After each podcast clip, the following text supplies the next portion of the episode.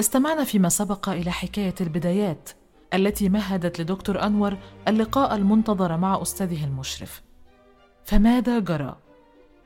ها هو اليوم يستعيد التفاصيل وكأنها البارحة أتذكر أول لقاء ليا مع المشرف بتاعي لما رحت قابلته سألني أنت درست إيه في مصر؟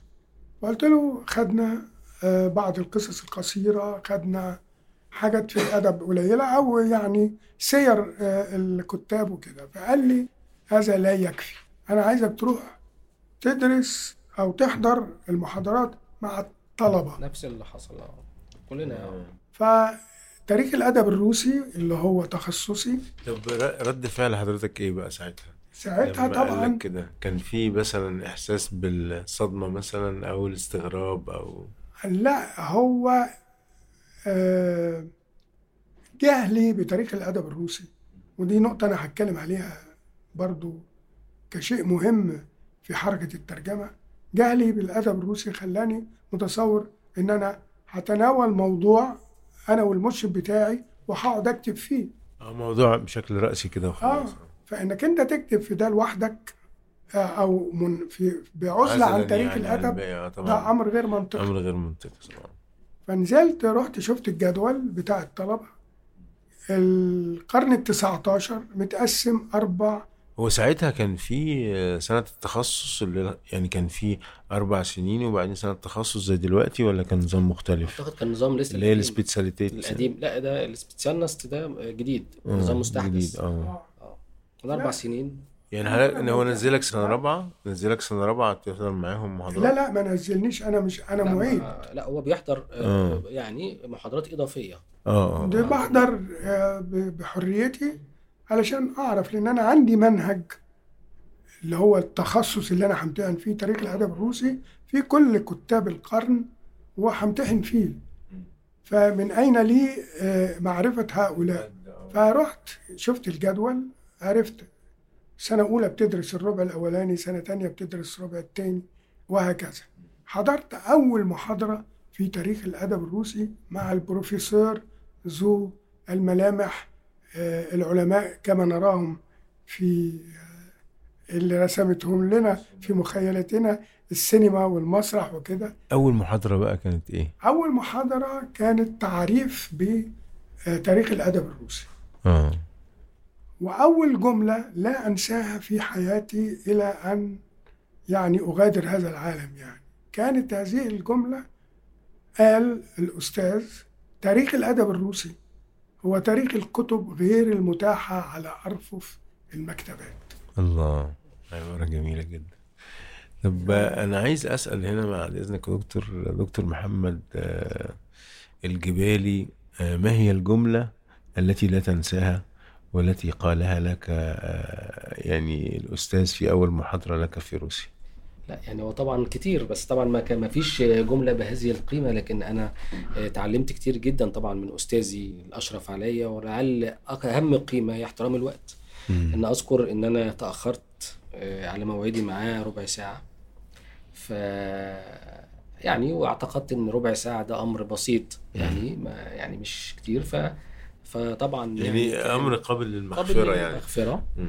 فلقيته يعني طبعا آه، قابلني يعني بوجه عابس جدا وقال لي إن أنت هذا الوقت مستقطع من ال- الوقت المفترض نقعد مع بعض ونزلنا آه، يعني اخد كان عنده وقت كان عنده تقليد إن هو ينزل يمشي ال- الكلب بتاعه مم. فنزلنا فعلا قعدنا ربع ساعة اللي كان مخصص لي نص ساعة قعدنا ربع ساعة ونزلنا وكان بيحدد لي الميعاد بالدقيقة ويقول لي إحنا هنلتقي على عند الباب الأخير من العربة الأخيرة في المترو مم. الساعة 9 و10 دقائق مم. فمنذ هذا الوقت وأنا يعني أحترم الوقت جدا واحترم مع- مواعيدي جدا ولأستاذي الفضل الأساسي في ذلك أتذكر أيضا مقولة له إن هو آه، قال لي إن في البحث العلمي آه، يعني الأمانة ويعني إحنا كنا معتادين في في مصر إن إحنا البحث بيكون كبير وكل ما يكون كبير ده شيء جيد. فعلى العكس هذا الرجل علمني إن أنا لا لا أضع جملة آه، غير ضرورية. آه. فكان البحث مثلا في البداية كان حوالي 350 صفحة فاختصرناه إلى 157 صفحة. وقال لي إنك لما تكرر جملة تقول أكرر. حتى لما تكرر تبرر هذا التكرار. أشياء كثيرة جدا يعني تعلمتها على المستوى حتى الإنساني السلوكي الشخصي ليس فقط على آه، يعني المعرفي آه، فروسيا لا طبعا أو الأساتذة الروس لهم أثر كبير جدا في حياتنا مش آه، طيب يعني لن ننساه وبالنسبة بقى لاختيار قسم اللغة الروسية آه. يعني كان برضو اختيار يعني فجأة لقيت نفسك لا. في قسم اللغة الروسية ولا كان اختيار لا أنا خلاف؟ يعني طبعا خلافا لأستاذنا الدكتور أنور أنا اخترت اللغة الروسية رغبة مؤكدة أولى. مم. وكان هذا شيء مستغرب لأن في الفترة اللي أنا التحقت فيها بالقسم الروسي ما كانش حد بيرغب في الدراسة في لغة- قسم اللغة الروسية لأن ما كانش فيه عمل. في الوقت ده يا دكتور أنت ما كنتش عايش في القاهرة. لا أنا أنا أصلا من طنطا. وكنت حصلت على مجموع مرتفع يعني كنت الأول على يعني محافظه الغربية.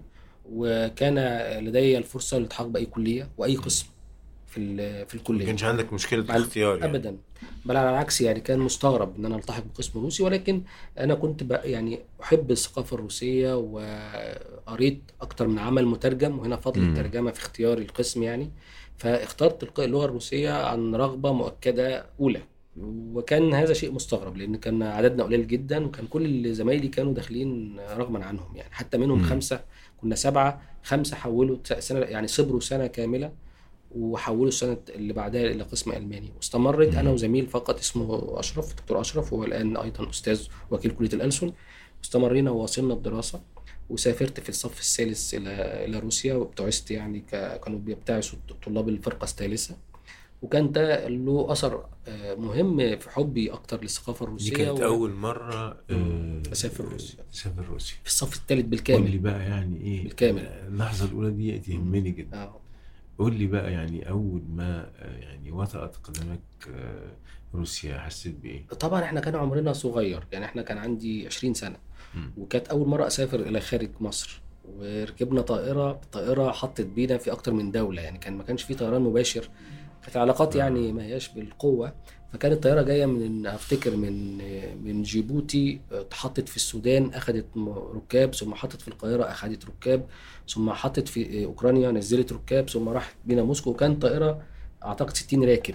ما كانتش كبيره ما يعني. كانتش كبيرة آه. المهم فطبعا كنت أول مرة أنزل طبعا مطار شرميتيفا ورهبة شديدة جدا و لكن شيميتفا واحد ولا اتنين؟ كان هو واحد كان قديم. وكان لحسن حظنا كان معانا مشرف طبعا دكتور عبد السلام المنسي فكان في يعني اطمئنان. آه، ثم ذهبنا مباشرة إلى معهد بوشكن وقضينا في هذا المعهد سنة كاملة. آه، المعهد كان بيضم آه، طبعا ممثلين لأكثر من أفتكر 70 أو 80 دولة وكان بالنسبة لي طبعا دي فرصة آه، مذهلة ذهبية. وعيد طبعا مم. أنا اتعرفت على ثقافات آه، دول كنت أسمع عنها من أمريكا اللاتينية وأفريقيا وكان فعلا يعني كان وكان بجوارنا بالقرب مننا طبعا آه، جامعة وكانت دي أيضا بتضم كل يعني شعوب العالم. فكانت السنة سنة يعني سريعة جدا. تعلمنا لغة روسية وكمان تعرفنا على على روسيا بشكل كبير. كانوا بينظموا لنا رحلات. يعني عن آه. قرب. يعني كانوا ينظموا لنا رحلات إلى إلى أوكرانيا مثلا إلى يالطا رحنا إلى أوزبكستان آه، إلى دول البلطيق يعني كانت الرحلات ليست فقط على مستوى موسكو. يعني ذهبنا إلى حتى جمهوريات أخرى. وكانت آه، السنة اللي إحنا سافرنا فيها كانت سنة آه، يعني حاسمة في تاريخ الاتحاد السوفيتي لأن انهار الاتحاد السوفيتي وإحنا هناك آه يعني شا... آه، يعني 91. أنا أنا أنا شا... آه وأنا 91 92 آه، وشاهدت وسمعت خطاب جورباتشوف الأخير آه. وشفنا التحول اللي حصل في دي البلد لحظة بعينينا. تاريخية آه، بالظبط، بعينينا. فارقة يعني آه فكان طبعا التحول دراماتيكي على مستوى الشعب الروسي طبعا ومعاناة شديدة جدا جدا في الفترة دي. ولكن المذهل إن هذا الشعب رغم الصعوبات لم يتخلى عن التزامه آه، بعمله. كان المحاضرات والالتزام في الدراسة والجامعات كل شغالة. شيء يعني كل شيء. شغال, بشكل ممتاز يعني رغم إن كانت في أزمة طاحنة أزمة اقتصادية طاحنة. آه طبعا فكانت فرصة ذهبية زه- يعني سافرنا إلى معظم جمهوريات الاتحاد السوفيتي تقريبا مجانا. درسنا شفنا روسيا موسكو بالكامل درسنا لغة روسية على يد أساتذة أفاضل. رجعنا مصر. وأنا أزعم إن مش بس بعرف روسي أفضل لكن رؤيتي للعالم اختلفت. كامل يعني. رؤيتي لكل شيء أنت اختلف. أنت يعني من أحد الناس اللي كتبوا على الصفحة الأخيرة في كتاب الاتحاد السوفيتي. آه دي حقيقة. كان قرصان العصور الوسطى يتعامل مع النهب بالطريقة نفسها. التي أصبح التاجر فيما بعد يتعامل بها ليتمكن من الحصول على مختلف البضائع مقابل مبلغ معين يدفعه. من الطبيعي أن هؤلاء التجار الذين كانوا يتعرضون للهجوم كانوا يبدون المقاومة. كان التجار يدافعون عن أنفسهم ضد اللصوص على أنهم كانوا يقومون هم أنفسهم عندما تتاح لهم الفرصة لسرقة رفاق مهنتهم دون وخز من ضمير. بل كثيرا ما كان سكان الحضر يتعرضون للسطو على ممتلكاتهم. وهكذا فقد كان كل تاجر في العصور الوسطى لصا بدرجة أو بأخرى.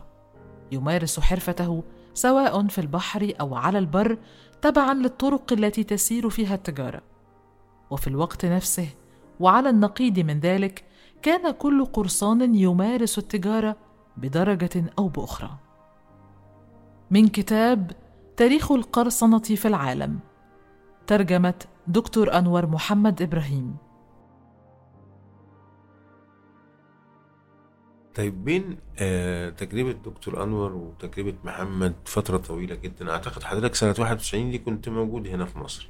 آه. تمارس عملك و... أيوه. إحساسك بلحظة الانهيار كان عامل إزاي؟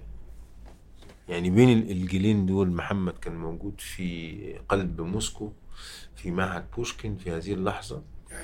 وعاش اللحظة بكل السخونة بتاعتها قسوة. وقسوتها وجبروتها وتأثيرها على الناس وفي نفس الوقت بيقول إنه كمان الناس لم تتوقف عن الحياة ف- ده صحيح حضرتك بقى وأنت في مصر على يعني هذه المسافة الطويلة بين القاهرة وموسكو كيف شعرت بهذه اللحظة؟ أنا الحقيقة يعني كان في جانبين في الفترة دي أنا كنت أشغل منصب حكومي متعلق بالثقافة. كل ما سمعته عن ما بعد البرسترويكا يعني هو معاناة الناس من أمور كثيرة طبعا على رأسها العامل الاقتصادي. وأنا شفت طبعا الروس ساعة لما أنا كنت عايش في الفترة السوفيتية وعلى خلاف مبعوثين كتير كانوا معزولين في الجامعة. أنا كان ليا أصدقاء من ال- اللي بيدرسوا معايا وصداقتي كانت بتصل إلى التزاور العائلي وشفت البيوت الروسية وشفت ال- الناس اللي كانوا بيعملوا في الجامعة من الديجورني وال- والنبطشيات والحاجات زي كده. كانوا عايشين إزاي البسطاء يعني. وكان بالنسبة لنا إحنا كأجانب الأمور آه، أفضل لفرق ال- المرتب مثلا أو الاستيبنديا بتاعتنا كمصريين كانت كبيرة وكده. لكن كنت بشوف عزة نفس كبيرة جدا عند الروس وخصوصا البسطاء منهم وإيثار وتضحية في حياتهم وتحمل لكل شيء آه، صعب. مع ال آه، لأن أنا في وسط ثقافي مع الاستمتاع بمنتجات الثقافة. هو ده اللي كان اللي إحنا كنا بنشوفه يعني.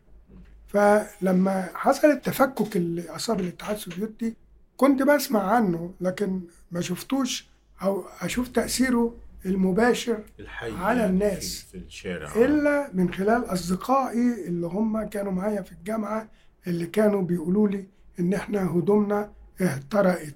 يعني ما فيش فلوس معاهم يشتروا آه، هدوم تانية. دول اللي كانوا من أعز اصدقائي الروس اللي أنا اتعلمت منهم كتير جدا جدا بشكل غير طبيعي لأن من المهم جدا إنك أنت ما تعيش عالم العزلة اللي كانوا فيه كتير من المبعوثين وقاصرين على يعني ما كانش فيه ناس كتيرة ما كانش بتروح المسرح. وأعتقد طبعا إن ده كان يعني من أهم ال- الأنشطة اللي صقلت تجربة حضرتك كمترجم. بالتأكيد طبعا لأن هم نفسهم كانوا بيقولوا لي على أنا أقول لك حاجة ظريفة جدا. أنا كنت فما بكتب الرسالة حد نصحني إن أدي حد من الولاد اللي بيدرسوا معانا في المدينة الجامعية. يعني أحواله يعني صعبة فاديله عشان يكتب لك هو بيكتب مكنة كويس. لما كنت بديله الشغل بتاعي الفصل الأول الفصل الثاني بتاع عشان أحضر شغلي للمشرف وأديله الصورة النهائية كان ليه ملاحظات على شغلي؟ ملاحظات فيلولوج ملاحظات واحد دارس أدب وقد إيه أنا استفدت منها وقد إيه استفدت من اللي كانوا بيجوا يسكنوا جنبي. أنا أدي لك تجربة غريبة جدا. أنا جاري في أول سنة ساشا السيبيري الراجل ده كان بيشتغل على داستيفسكي ثم هجروا واشتغل على موضوع يعني يقرب إذا قلنا تجاوزا الدين في أدب القرن 19 على تأثيره على الروايات والكتاب. فساب داستيفسكي واداني الكارتاتيكا بتاعته اللي وفرت عليا سنين من البحث في المكتبة إن أنا أجمع الأعمال دي. ده من ضمن الثمار بتاعت آه، آه، الاحتكاك والتع... آه وكده هو يعني. كان ليك رحلات لل... للريف الروسي آه، أثناء الدراسة؟ أنا رحت طبعا ال... كان لي أصدقاء في أنت عارف إن اللي ساكنين في المدينة الجامعية هم من الأرياف في الأغلب مش موسكوفيين يعني. كنا بنروح نزورهم ونشوف أهاليهم وحاجات كده. وأنا كان في زيارتي الأولى اللي هي العشر أيام دي كنا زرنا سمولني أظن. وجوركي اللي هي كان مكان من الأماكن الثورية وكده. وإحنا راجعين كنا بنشوف الداتشات. فأنا بقول للجايد اللي كان معانا إيه دي؟ هي دي بيوت بتوع الحزب. قال لي لا دي دي الداتشا وشرح لي معنى الداتشا وقال لي اختار أي واحدة منهم ونقف عندها. وقد كان اخترت داتشا فنزلنا ودخلنا. مع المجموعة اللي معانا لقينا ست فلاحة على المعاش وقاعدة في هذه المكان وحواليها الأجرود اللي زرع فيه شوية حاجات وكده. وبرغم البساطة كان جميل واتكلمنا معاها وكده. وأنا كنت أحب دايما إن أنا أسأل وأشوف الناس عايشة إزاي وكده. باختصار إن فترة البرسترويكا أو الأزمة اللي مروا بيها الروس مرت بسهولة لسبب إن هذا الشعب كأن في جينات من الحروب اللي خاضها مع الإمبراطوريات اللي حواليه. وفاكر لما كنت بخرج بالليل الساعة 3 أو 4 كنت ساكن في أول دور وقدامي النبطشية الستات على المعاش. كنت باخد كيكة وأطلع ومعايا براد الشاي ونقعد أسهر أتكلم معاهم فكانت تقول لي إحنا في الحرب العالمية أكلنا كل حاجة بتمشي على أربعة. واخد بالك؟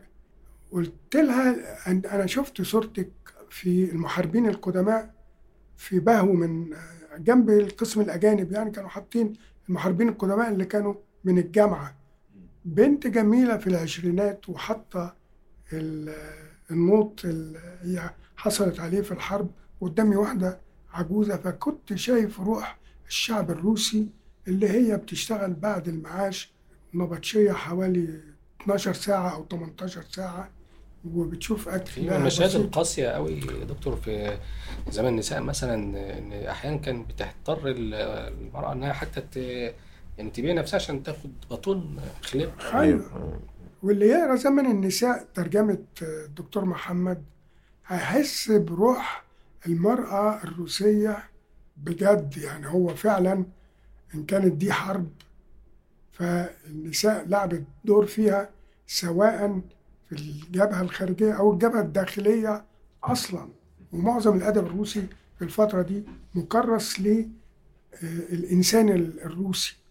ما تقولش السوفيتي قول الإنسان الروسي فعلا. وفي رواية كنت أحب أترجمها وعرضتها على بعض الزملاء إنهم يترجموها لكن محدش كانت عن الحصار في لينينجراد 900 يوم.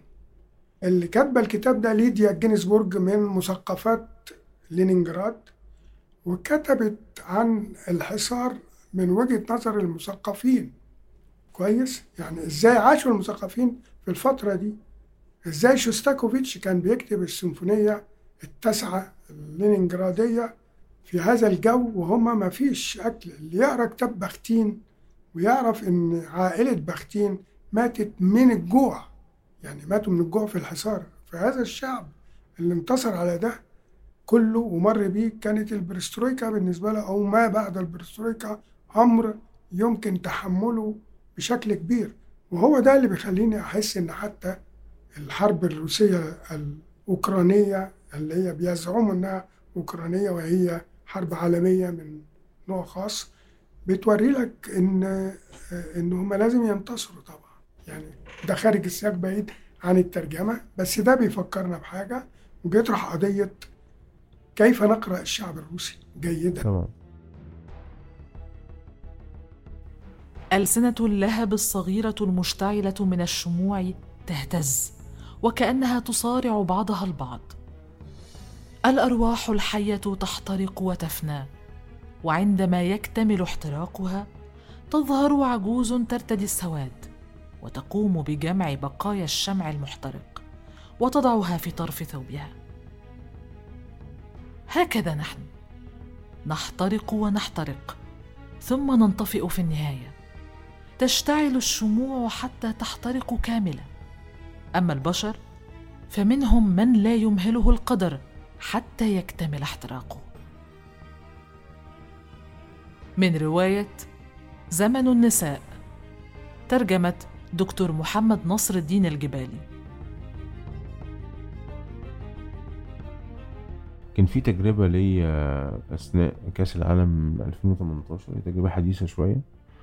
آه، شفت فيها آه، طوفان من الأجانب اللي جايين يتفرجوا على المباريات بتاعت كأس العالم.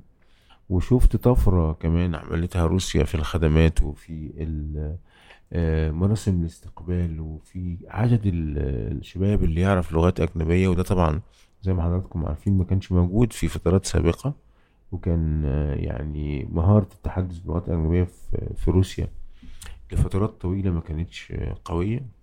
ولكن النقطة اللي لفتت نظري جدا هي آه، التغير الفوري للأنماط الذهنية والتصورات عن روسيا عند الأجانب.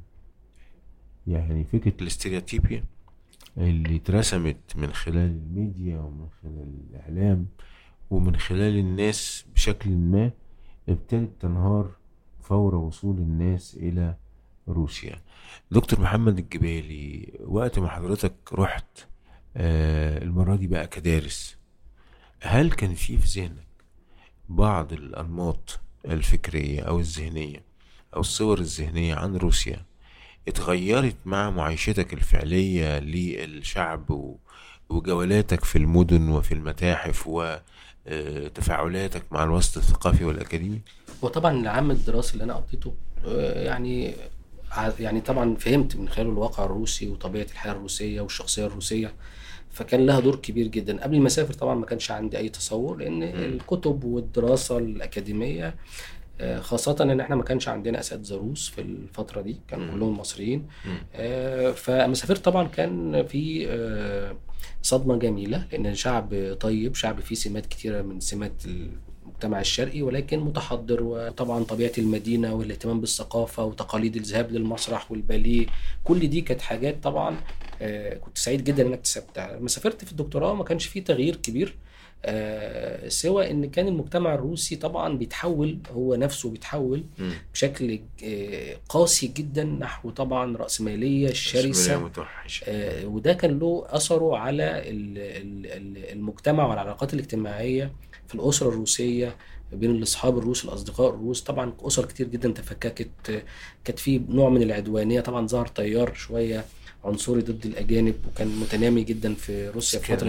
آه في السنة في السنوات اللي أنا درست فيها في الدكتوراه اللي هي تحديدا في الفترة من 1000 و... من 98 ل 2001 حتى إن بعض الزملاء يعني تعرضوا لبعض ال- الاعتداءات يعني ولكن ده استمر لفترة ثم بدأ بعد كده المجتمع يستقر ويهدأ و- وينقي نفسه وبدأت روسيا ترجع بس هل كان في تصورات تستوعب آه، يعني عندك آه. وأنت في مصر آه. عن روسيا اتغيرت لما رحت هناك؟ ما هو أنا سافرت وأنا في سنة ثالثه مم. كنت لسه طالب صغير وما كنتش لسه حتى كونت تصور أنا يعني بالنسبة لي كنت لسه آه، شاب آه، صغير آه، السنة دي ساعدتني إن أنا أفهم لما رحت في الدكتوراه كنت خلاص. يعني عارف يعني البلد يعني أصلا خدت انطباع جيد من دون البداية. صور سابقة لا لا مسبقاً. أنا أنا. سافرت مبكر جدا مم. السنة دي كانت مبكرة جدا يعتبر اعتقد يعني. بقى ممكن الدكتور أنور يكون عنده رأي في القصة دي هل دكتور أنور قبل ما تسافر كان في تصورات سائدة يعني في أوساط الأصدقاء أو من الإعلام أو من الكتب. صور سلبية أو صور ذهنية معينة اتغيرت لما سافرت روسيا وعيشت المجتمع الروسي وشفته أكتر عن قرب؟ هو طبعا آه الأمر يتوقف على من يحيطونك من الأصدقاء أو من الناس العاديين. يعني لما هنيجي نتكلم على الأصدقاء فده كلهم كان معظمهم من المثقفين أو يعني نقدر نضمهم للمثقفين اللي هم كان فيهم ماركسيين وكان فيهم يساريين وكان فيهم حاجات زي كده. فكان حتى بيشوفوا إن هذا البلد هو أمل العالم في العدالة الاجتماعية آه، إلى آخره يعني. وبعدين الناس طبعا اللي احتكت بيهم جوه القوات المسلحة والجيش وده تقدر تشوفه من كتاب زي كتاب ذات يوم في مصر اللي أنا ترجمته اللي هو كان شهادات الخبراء آه، الروس.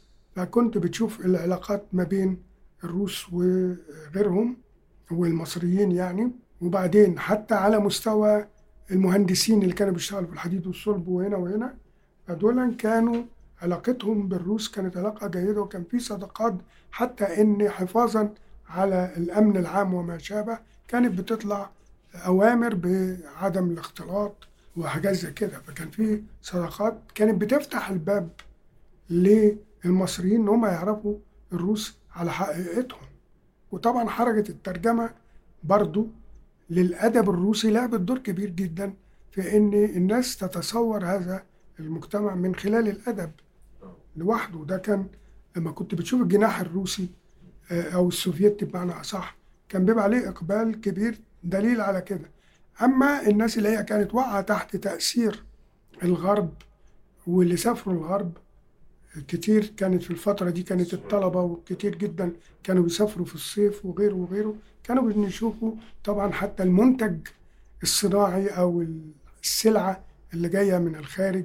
فاكرين لما حصل الانفتاح والناس كانت أقبلت على السلع ما كانتش بتشوف سلعة روسي آه، غير العربية الماسكفيتش أو فكان في إعلام آه، كبير جدا والفيلم الأمريكي ما كانش فيه جنبيه فيلم روسي. ومع ذلك الناس المثقفين كانوا بيروحوا علشان يشوفوا هاملت والملك لير ويحسوا إن ورا ده سينما كبيرة. واللي يكلمك عنها مثلا كان ممكن حد زي الله يرحمه الدكتور الأليوبي أو غيره اللي كانوا فاهمين ده آه، معناه إيه؟ معناه إن إن هذه السينما لا تخرج إلا من تعليم آه، راقي آه، ليه قواعد وليه تقاليد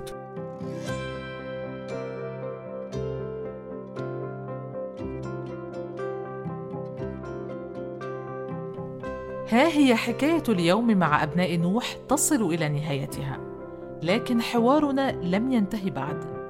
نستكمله معكم في القريب. سعدت بصحبتكم. مهال جمل. حكاية بابل. رئيس التحرير عائشة المراغي. الهندسة الصوتية أحمد حسين. المنتج الفني شهرزاد